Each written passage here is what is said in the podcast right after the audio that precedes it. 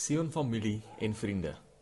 Wat 'n voorreg om vanoggend verder saam met Prof Marius Nel te luister en te leer oor stilte, 'n plek waar ek God ontmoet. Ons dink in hierdie oordeenking na oor ons stilte tyd. Wat gebeur wanneer ek tyd op sy sit om by die Here uit te kom? Wat doen jy normaalweg in jou gebed?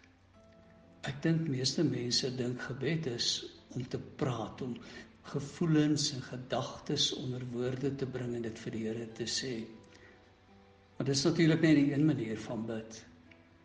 Gebed is baie meer. Dit bestaan miskien primêr eerder daaruit dat jy jou hart en verstand, jou wese voor die Here oopstel en en tot God nader en toelaat dat hy by jou uitkom want hy's nader aan jou as jou denke, jou woorde, jou emosies, jou asemhaling, jou bewussyn.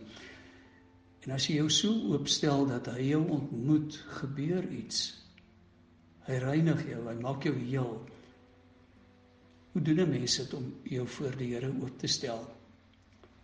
Thomas Keating skryf om te bid is om insig te kry in die onbewuste dryfvere van 'n mens se lewe en om insig te kry en daardie insig te verkry is om gesond te word. Dis om jouself beter te begin verstaan. Ek dink hy's reg want is dit nie daardie traumas van ons verlede wat ons dikwels verhinder om God se teenwoordigheid te ervaar nie Ons sal hulle eers moet deurwerk voor 'n mens 'n volwasse verhouding met God kan hê. Ons moet as ware van ons vals self gestroop en gereinig word voordat ons by die ware self kan uitkom.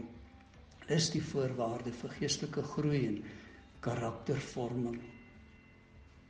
Jy sien, 'n mens kan die uitvoerende hoofbeampte van 'n internasionale maatskappy wees en en steeds die emosionele behoeftes van 'n 4-jarige kind hê, sê Thomas Keating. Daarom is die medisyne vir die siekte van ons tyd van so besig wees dat ons nooit tot stilstand kom nie om doelbewus tyd vir stilte voor die Here op sy te sit. Hoe doen jy dit? Hoe word jy stil? Jy gee jouself verlof dat jy vir sê maar 20 minute lank niks anders gaan doen as om net op die Here te fokus nie. Jy gaan nou tyd spandeer om slegs die teenwoordigheid en liefde van die Here te geniet, te ervaar. Dis daar wat jy hom gaan koester. Jy rus in hom. Jy praat met hom, dis goed. Maar belangriker, jy hou gemeenskap met hom en jy luister na hom en sy stem is nie altyd in in wat hy sê nie. Sy stem is dikwels in wat hy in daardie oomblikke in jou gees doen wanneer sy gees jou ontmoet. Wanneer jy sonder woorde begin bid gebeur daar iets. Jy vind dikwels dat jou gedagtes soos treine verbyjag jy sukkel om stil te word. Ons gaan môre oggend bietjie verder daaroor gesels. Hierdie bote wat op 'n rivier by jou verbyjag en jou aandag opneem. Mag jy 'n mooi dag hê waarin jy ook stilte inbou om net die Here te geniet. U goedheid en die guns volg my al die dae van my lewe. Here, U is en bly God en U is goed.